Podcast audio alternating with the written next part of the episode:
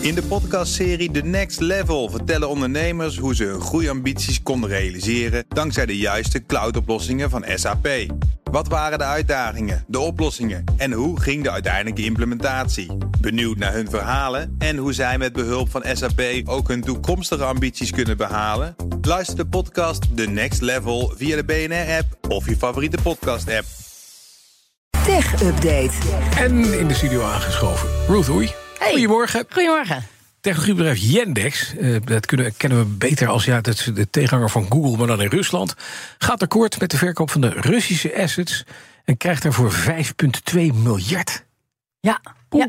Ja, dat is een heel flink bedrag. En los daarvan zijn ze ook eindelijk van die Russische connecties af. Waardoor Ja. het natuurlijk veel minder makkelijk eh, ook handelen was met andere landen. Ehm, zij staan bekend, je, je zei het al, de Russische Google, om hun online diensten die ze hebben ontwikkeld. Niet onverdienstelijk eh, trouwens. En vandaag lieten ze weten dat er een deal is gesloten in contanten en aandelen. Oftewel volledig alles eh, overboord voor het bedrag van 475 miljard roebel. Je zei het al, ruim 5 miljard.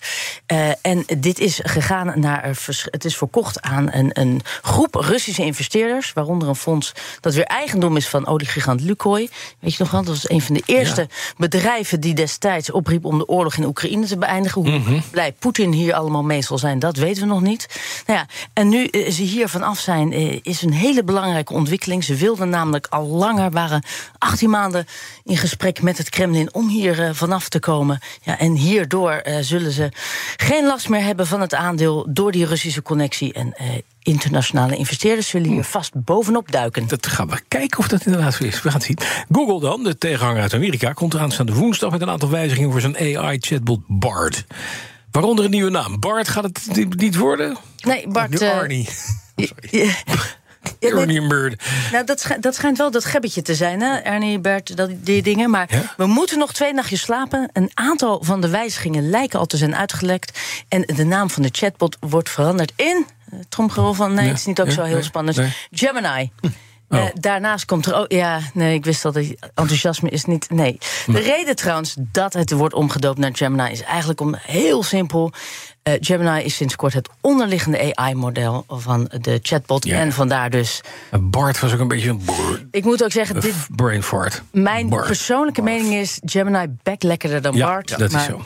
Dat, eh, Ja. Daarnaast lijkt het er dus op dat er een, een gerucht dat al langer rondzoomde ook werkelijkheid wordt. Er komt een betaald abonnement, Gemini Advanced, en dat maakt dan weer gebruik van. Hoe kan dat ook anders? Ja. Het geavanceerde AI-model van Waar Google. kennen we het toch van? Ik wilde het net zeggen. Het is allemaal niet heel origineel, Nee. maar het is er wel.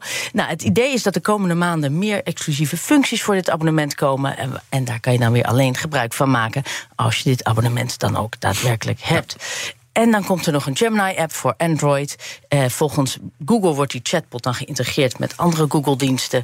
Klein addertje, deze app is alleen beschikbaar voor betaalde apparaten. Ja, natuurlijk. En Mensen ook, die abonnementjes sluiten. exact, en ook niet beschikbaar in de Europese Unie voorlopig. Oh, Oké, oké. Nou, dan eh, gaan we woensdag inderdaad horen wat Gemini Gemini wordt. Dan internet- en gamebedrijf Tencent heeft vorig jaar meer dan 120 medewerkers ontslagen vanwege fraude.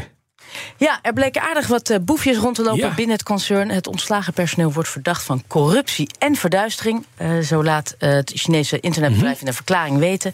Het gaat om ruim 70 overtredingen. Eh, een aantal medewerkers is inmiddels veroordeeld voor verduistering van bedrijfseigendommen. Eentje Het kreeg meenemen van de wc-rollen. ja, bijvoorbeeld. Maar ik vermoed Dat iets anders, iets want hij moet vier, jaar, vier jaar de bak in en een Ja. boete van omgerekend bijna 13.000, tenzij het eh, diamanten Mhm, wc-rollen wc-rollen waren. waren, ja. Ja, aan, een- aan de ene kant zou je denken dat 120 frauderende medewerkers nog een relatief klein aantal is als je bedenkt dat het bedrijf ruim 100.000 werknemers stelt. Maar de medeoprichter van Tencent denkt daar heel anders over.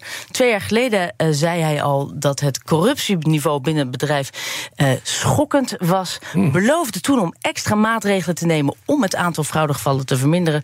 Nou, dat lijkt niet echt succesvol te zijn geweest. Ja, nou, anderzijds 120 op 100.000. Nou ja, kennelijk Ja, toch nog. Ja. toch, toch, nog Vinden ja. ze toch nog veel? Vinden ze toch nog veel? Ja, Ja. ik vind het weinig. Hij, eh, hij, niet. is, hij is- vindt het schokkend. Ja, nou, heel goed. Dankjewel. Ruth. De BNR Tech Update wordt mede mogelijk gemaakt door Lenklen. Lenklen. Betrokken expertise, gedreven innovaties. In de podcastserie The Next Level vertellen ondernemers hoe ze hun groeiambities konden realiseren dankzij de juiste cloudoplossingen van SAP. Wat waren de uitdagingen, de oplossingen en hoe ging de uiteindelijke implementatie? Benieuwd naar hun verhalen en hoe zij met behulp van SAP ook hun toekomstige ambities kunnen behalen? Luister de podcast The Next Level via de BNR-app of je favoriete podcast-app.